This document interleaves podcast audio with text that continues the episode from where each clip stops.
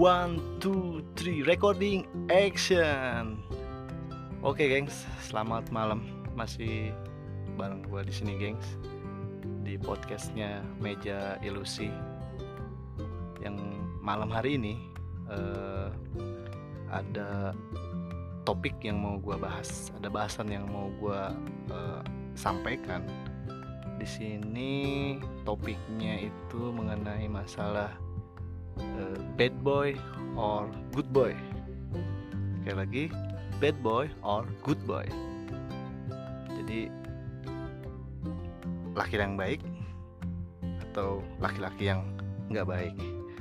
Nah sudut pandangnya sebetulnya ini ini ini dari kacamata dari mana sebetulnya kita melihat menilai ya uh, tentang uh, bad boy.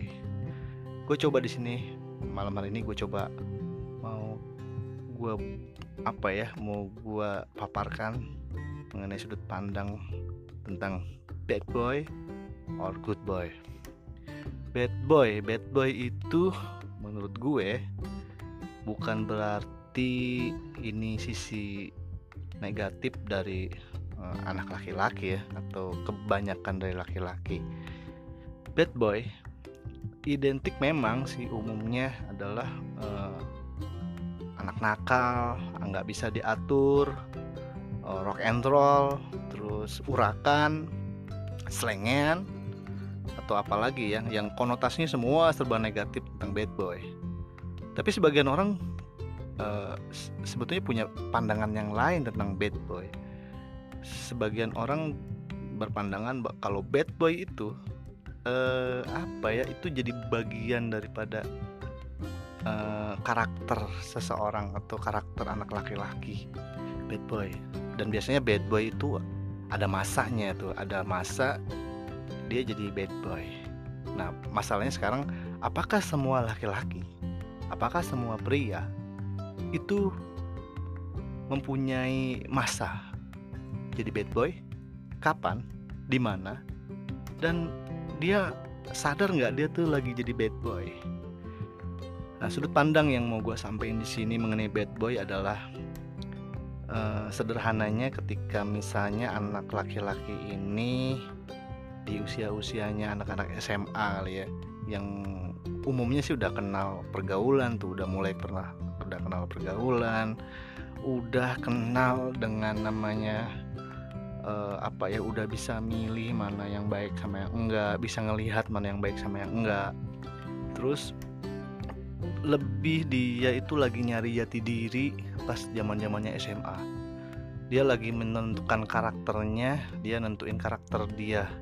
Karakter anak baik anak gaul anak rumahan anak yang cool atau anak yang kutu buku. Nah sebetulnya ini uh, itu pilihannya tuh zaman SMA tuh biasanya begitu. Tapi sebagian besar sebetulnya pada dasarnya semua anak-anak itu bad boy. Nah nggak ada sebetulnya anak laki-laki itu good boy 100% tuh nggak ada. Semuanya bad boy. Nah bad boy ini tergantung sebetulnya dari sisi apa atau level apa dia jadi anak bad boy jadi bad boy ya. Ya kalau di luar negeri sana contohnya misalnya bad boy dia yang cenderung punya anak uh, ya dia cenderung misalnya anak-anak yang uh, punya geng ya punya geng yang masing-masing itu biasanya lagi lagi senang-senangnya nunjukin eksistensi. Lagi senangnya dia menunjukkan uh, apa ya uh, karakter gengnya. Dia menunjukkan karakter dirinya dan kayaknya tuh uh, cuman uh, karakter atau gengnya dia yang paling the best dari semua. Lawannya tuh nggak ada apa-apanya. Tuh biasanya gitu tuh. Dan nunjukin karakter kuat biasanya dalam gengnya tersebut. Ada karakter-karakter yang jadi dominasi di situ gitu jadi leadernya biasanya begitu tuh anak zaman-zaman eh, di luar negeri kayak gitu. Terus kalau di kita tuh bad boy saat-saat remaja biasanya dia lagi seneng-senengnya deketin uh, cewek tuh ya lagi PDKT biasanya tuh anak-anak uh, ke anak-anak cewek lagi PDKT dengan berbagai cara dia tuh biasanya begitu tuh. Terus dia lagi lagi sempet sempetnya dia mungkin bohong sama guru sama orang tuanya dia bikin janji dia ngedet dan lain-lain hal. Dia melupakan tanggung jawabnya biasanya sebagai seorang siswa atau sebagai seorang anak dari orang tuanya. Itu jam itu saat itu dia jadi bad boy. Tapi itu juga sebetulnya nggak mesti gini. Bad boy itu menurut gue itu cuman masalah timing ya masalah timing masalah momentum. Jadi ada momentum dia jadi bad boy ada momentum dia jadi good boy. Jadi nggak bisa kita uh, kita justifikasi kalau bad boy itu buruk dalam segala hal nggak juga sih. Bad boy itu hanya apa ya hanya uh, itu kondisi di mana anak tersebut itu lagi di luar rel biasanya gitu tuh lagi di luar rel lagi nggak pada umumnya orang lakukan. Yang dia mesti lakukan karena emang masanya tuh demikian masanya tuh kayak gitu. Nah bad boy juga biasanya ini kebawa ke dalam karakter setelah dia nanti pas mahasiswa pas dia udah mulai kerja itu kebawa tuh karakter-karakter bad boy. Tapi karakter bad boy juga punya toleransi biasanya sih gitu. Dan umumnya yang gue ketahui kalau anak itu bad boy justru dia lebih pos lebih lebih interest tuh. Kalau anak itu bad boy biasanya dia cukup pengalaman. Kalau anak itu bad boy biasanya dia akan jauh lebih memahami dalam dalam bersikap dia lebih teliti sebetulnya lebih teliti dalam bersikap dan lebih uh, gampang tuh bergaul anak-anak bad boy itu. Jadi bad boy biasanya ke ke dalam ruang lingkup masyarakat biasanya akan lebih cepat bergaul. Dan dia pandai menempatkan posisi kalau bad boy itu. Bad boy kalau anak ngomong-ngomong kalau narkotik bad boy oh iya bad, bad, bad boy narkotik bad boy.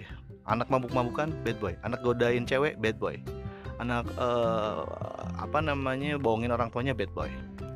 Anak selengean nggak bisa diatur bad boy. Tapi nggak selamanya anak itu bad boy.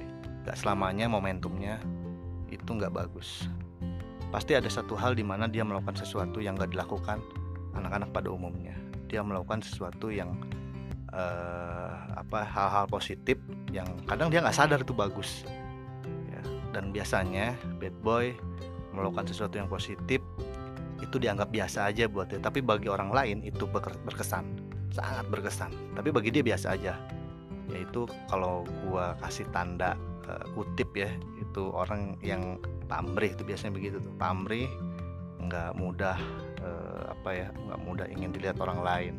Karena bagi dia itu biasa. Bagi dia itu hal yang biasa. Nggak perlu nggak perlu kemewahan nggak perlu apa yang nggak mau memperlihatkan sesuatu bad boy ada bagusnya nggak? Bah ada bagusnya. Kita lihat dah kita coba kita pikir plus minus an, uh, bad boy. Plus minusnya plusnya dia banyak pengalaman.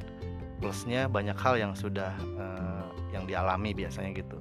Minusnya sebetulnya dia tinggal mengelola mengelola pikirannya atau mengelola sikapnya mengelola etiknya. Karena nggak selamanya bad boynya dipakai. Terus kalau bad boy kalau dia suatu saat punya anak nah ini dia pentingnya nih. Dia tahu banget tuh karakter-karakter anak. Dia bisa boleh jadi dia nggak gampang dibohongin sama anaknya. Atau boleh jadi dia akan protek bener kalau punya anak perawan tuh. Kalau anak punya gadis dia anak protek pasti. Lebih protek biasanya. Dan apa ya dan pasti akan uh, uh, banyak bertolak belakang tuh sama calon menantunya itu biasanya begitu karena tahu betul mana yang bagus buat anaknya mana yang enggak. Nah, bad boy juga itu uh, ya kalau menurut gue sih style ya itu mungkin style ya gaya hidup ya. Bad boy gaya hidup. Tapi itu nggak jadi patokan. Karena setiap orang di satu persimpangan di suatu tempat di suatu momentum dia akan memilih. Dia akan memilih tapi bukan berarti untuk ditinggalkan. Karena umumnya bad boy itu sama dengan uh, apa ya uh, laki-laki itu seperti singa. Dia mengaum keras dia tetap mesti perkasa karena karakternya bad boy itu adalah tiger atau lion. Dia dia biasanya lebih kuat sebagai karakter dia lebih kuat biasanya dalam karakter. Lalu good boy. Nah, kalau anak good boy cenderung umumnya orang menilai anak good boy itu anak rumahan nggak banyak omong santai kalem. Terus uh, nilai-nilai rapotnya biasanya bagus nggak banyak lawan orang tua temennya nggak banyak.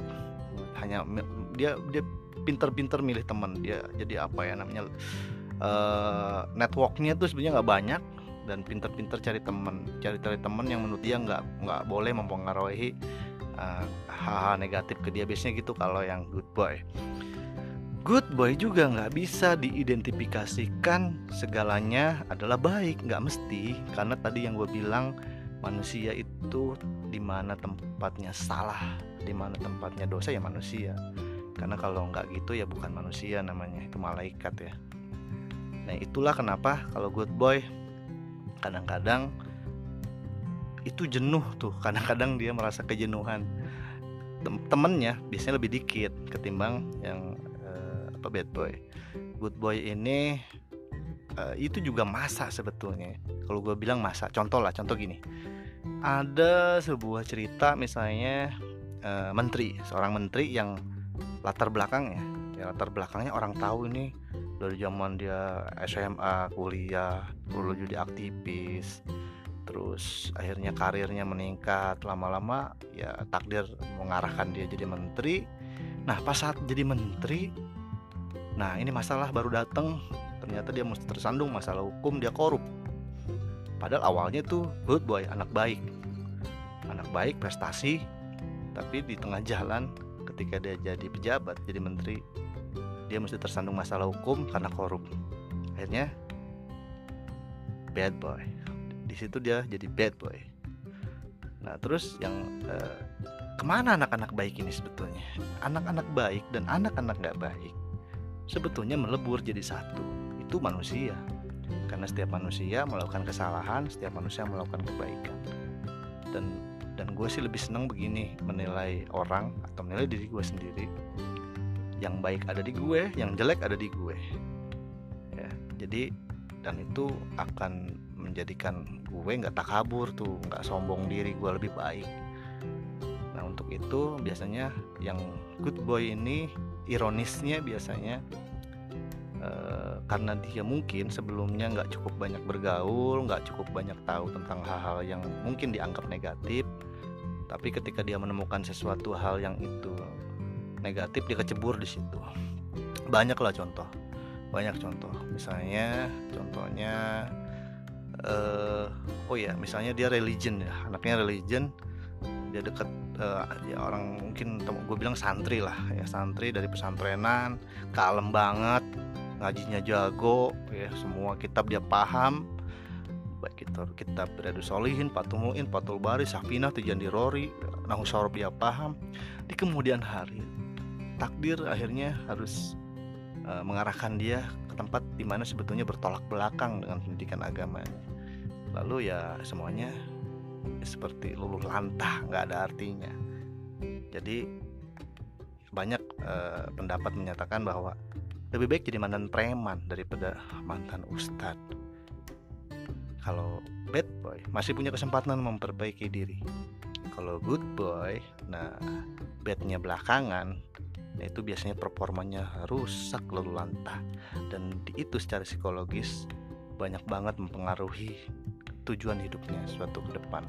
Karena bayangkan eh, hukuman masyarakat itu lebih menyakitkan sebetulnya. Hukuman sosial dari masyarakat itu lebih menyakitkan karena nantinya e, kesangkut pautnya dengan keluarga, ke istri, ke anaknya dan lain-lain hal.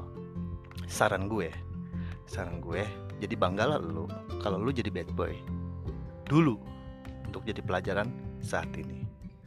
Dan lu yang sekarang good boy, eh hati-hati, lu jangan terlalu bangga dulu karena suatu saat lu bakal ketemu masalah yang masalah itu justru akan menghancurkan martabat lu di kemudian hari.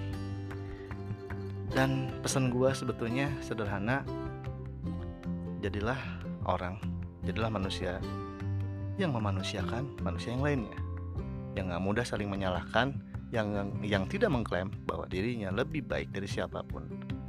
Maka saat itu pula lu akan ngerasa bahwa kita semua sama aja di mata Tuhan yang membedakan adalah urusan kita yang langsung kepada Tuhan. Tapi pada pada kenyataannya berbuat baiklah terhadap satu manusia yang lainnya, gak usah beda-bedain karena tujuan kita sama. Tujuan kita sama adalah kita saling memanusiakan untuk kita mencari berketuhanan. Itu aja mungkin podcast dari gue uh, malam hari ini. Mudah-mudahan lu yang sekarang lagi jadi bad boy itu jadi pelajaran buat lu ke depannya dan tetap lu mesti berubah ya untuk menjadi jauh lebih baik dan sekarang yang lu sekarang jadi ngerasa jadi good boy jangan takabur dulu karena suatu saat lu pasti tersandung maka kelolalah pikiran lu? Ya, kelola otak lu kelola sikap lu kelola etik lu agar semuanya bisa balance. Thank you gengs atas uh, uh, moga-moga lu dengar podcast gue.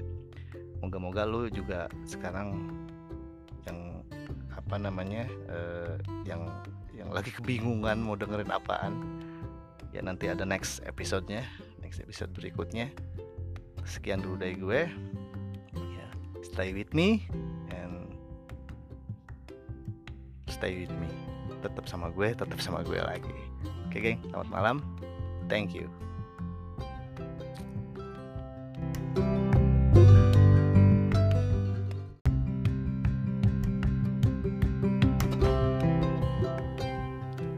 One, two, three, recording action.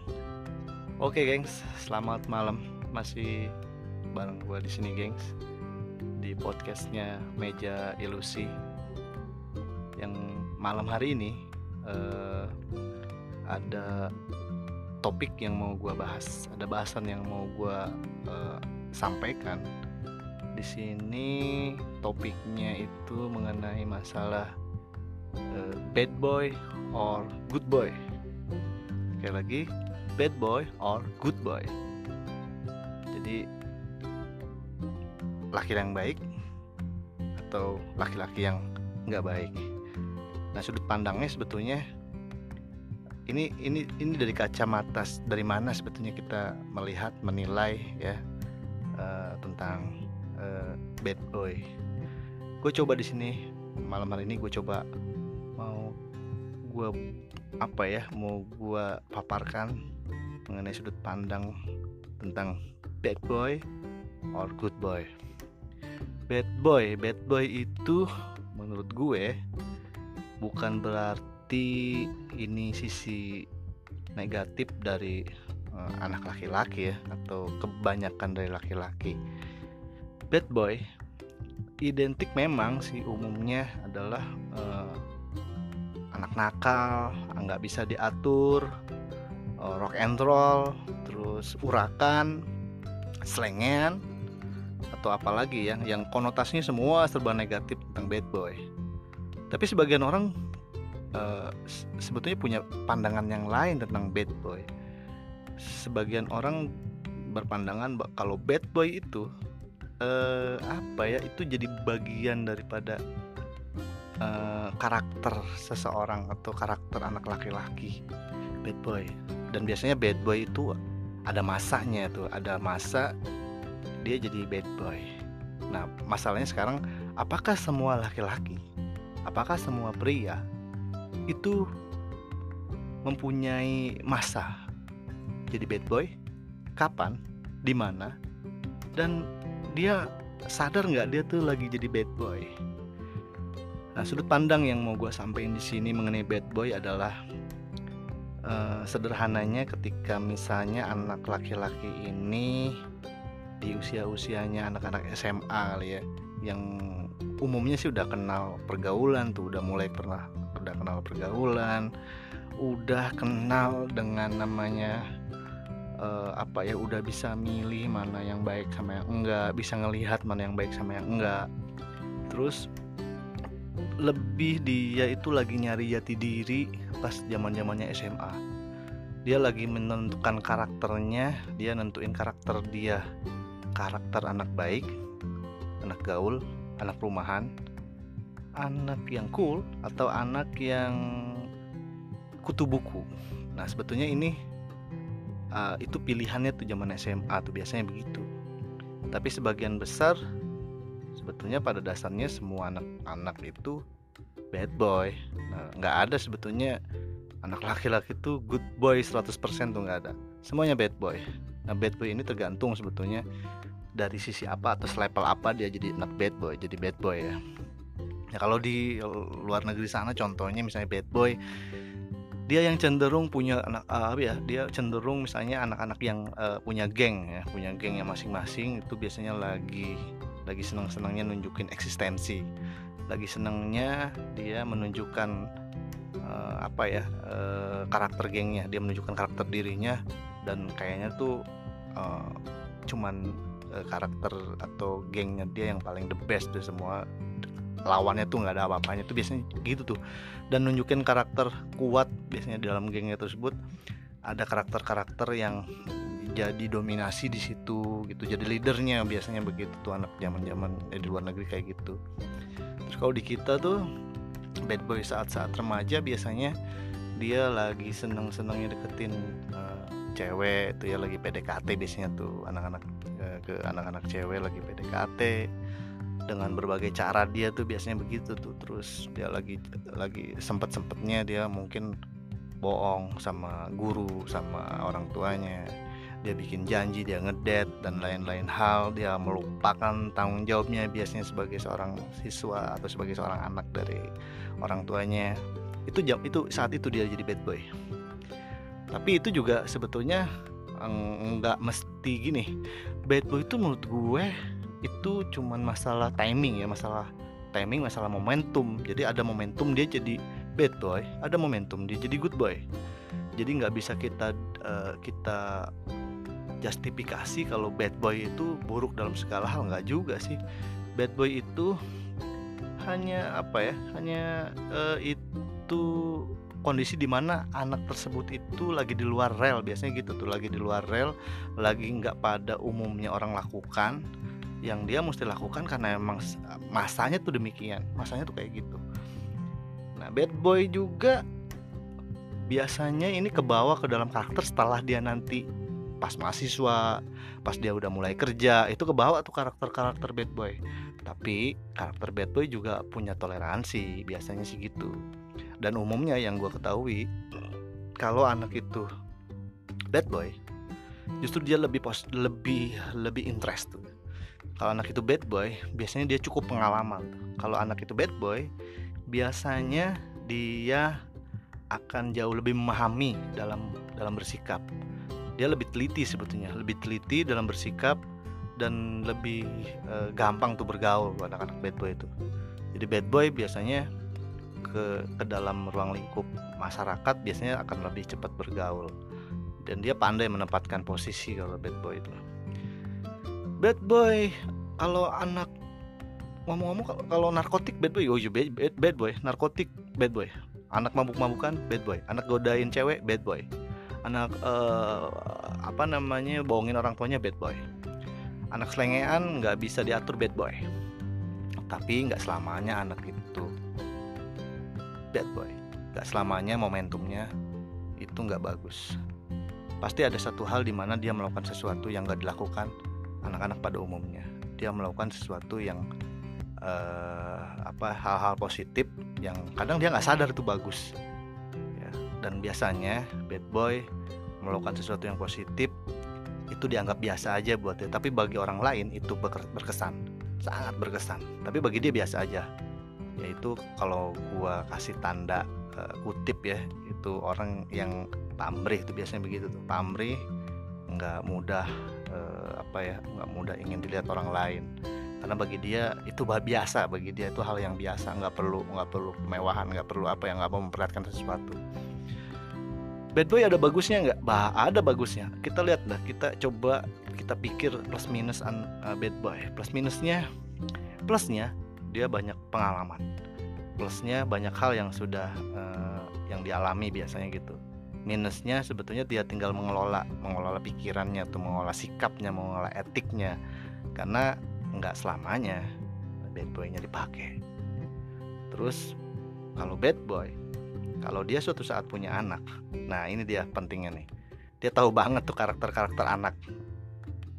Dia bisa boleh jadi dia nggak gampang dibohongin sama anaknya. Atau boleh jadi dia akan protek bener kalau punya anak perawan tuh. Kalau punya gadis dia anak protek pasti. Lebih protek biasanya. Dan apa ya dan pasti akan uh, uh, banyak bertolak belakang tuh sama calon menantunya tuh. Biasanya begitu karena tahu betul mana yang bagus buat anaknya mana yang enggak.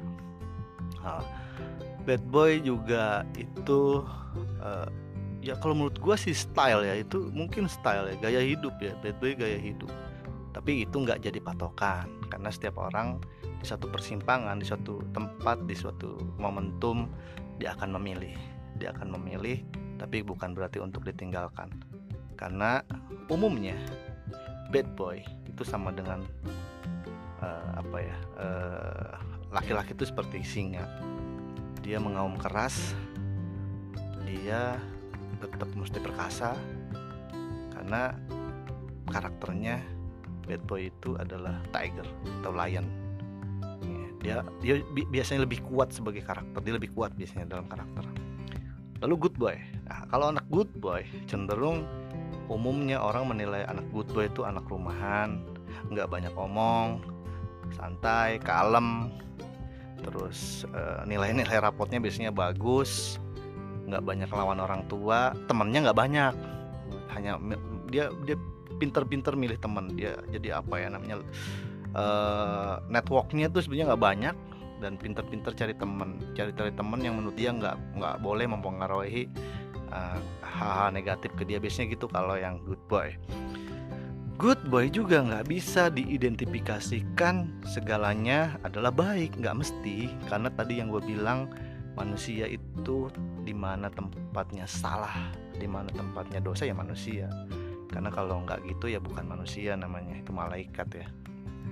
Nah itulah kenapa kalau good boy kadang-kadang itu jenuh tuh. Kadang-kadang dia merasa kejenuhan. Tem temennya biasanya lebih dikit ketimbang yang apa bad boy. Good boy ini uh, itu juga masa sebetulnya. Kalau gue bilang masa contoh lah contoh gini. Ada sebuah cerita misalnya uh, menteri seorang menteri yang latar belakangnya ya latar belakangnya orang tahu ini. Dari zaman dia SMA kuliah dulu jadi aktivis terus akhirnya karirnya meningkat. Lama-lama ya takdir mengarahkan dia jadi menteri. Nah pas saat jadi menteri nah ini masalah baru datang ternyata dia mesti tersandung masalah hukum dia korup. Padahal awalnya tuh good boy anak baik. Anak baik prestasi tapi di tengah jalan ketika dia jadi pejabat jadi menteri dia mesti tersandung masalah hukum karena korup. Akhirnya bad boy. Di situ dia jadi bad boy. Nah terus yang eh, ke mana anak-anak baik ini sebetulnya? Anak-anak baik dan anak-anak nggak baik sebetulnya melebur jadi satu. Itu manusia. Karena setiap manusia melakukan kesalahan setiap manusia melakukan kebaikan. Dan dan gue sih lebih senang begini menilai orang atau menilai diri gue sendiri. Yang baik ada di gue yang jelek ada di gue. Ya jadi dan itu akan menjadikan gue nggak tak kabur tuh nggak sombong diri gue lebih baik untuk itu biasanya yang good boy ini ironisnya biasanya Uh, karena dia mungkin sebelumnya nggak cukup banyak bergaul, nggak cukup banyak tahu tentang hal-hal yang mungkin dianggap negatif, tapi ketika dia menemukan sesuatu hal yang itu negatif dia kecebur di situ. Banyak lah contoh banyak contoh. Misalnya contohnya uh, oh ya misalnya dia religion ya anaknya religion dia dekat uh, ya orang mungkin gue bilang santri lah ya santri dari pesantrenan kalem banget ngajinya jago ya semua kitab dia paham. Baik itu kitab Riyadu Solihin, Patul Mu'in, Patul Bari, Safinah, Tujuan Dirori, Nahu Sorob dia paham. Di kemudian hari takdir akhirnya harus uh, mengarahkan dia ke tempat di mana sebetulnya bertolak belakang dengan pendidikan agamanya. Lalu ya semuanya seperti luluh lantah nggak ada artinya. Jadi banyak uh, pendapat menyatakan bahwa lebih baik jadi mantan preman daripada mantan ustadz kalau bad boy masih punya kesempatan memperbaiki diri. Kalau good boy nah badnya belakangan itu biasanya performanya rusak lalu lantah. Dan itu secara psikologis banyak banget mempengaruhi tujuan hidupnya suatu ke depan. Karena bayangkan eh, hukuman masyarakat itu lebih menyakitkan sebetulnya hukuman sosial dari masyarakat itu lebih menyakitkan karena nantinya eh, kesangkut pautnya dengan keluarga, ke istri, ke anaknya dan lain-lain hal. Saran gue, saran gue, jadi banggalah lu kalau lu jadi bad boy dulu untuk jadi pelajaran saat ini. Dan lu yang sekarang good boy, eh hati-hati, lu jangan terlalu bangga dulu karena suatu saat lu bakal ketemu masalah yang masalah itu justru akan menghancurkan martabat lu di kemudian hari. Dan pesan gua sebetulnya sederhana, jadilah orang, jadilah manusia yang memanusiakan manusia yang lainnya, yang gak mudah saling menyalahkan, yang yang tidak mengklaim bahwa dirinya lebih baik dari siapa pun. Maka saat itu pula lu akan ngerasa bahwa kita semua sama aja di mata Tuhan yang membedakan adalah urusan kita yang langsung kepada Tuhan. Tapi pada pada kenyataannya berbuat baiklah terhadap satu manusia yang lainnya, gak usah beda-bedain karena tujuan kita sama. Tujuan kita sama adalah kita saling memanusiakan untuk kita mencari berketuhanan. Itu aja mungkin podcast dari gua uh, malam hari ini. Mudah-mudahan lu yang sekarang lagi jadi bad boy itu jadi pelajaran buat lu ke depannya. Dan tetap lu mesti berubah ya untuk menjadi jauh lebih baik. Dan sekarang yang lu sekarang jadi ngerasa jadi good boy jangan takabur dulu. Karena suatu saat lu pasti tersandung. Maka kelolalah pikiran lu ya, kelola otak lu kelola sikap lu kelola etik lu agar semuanya bisa balance.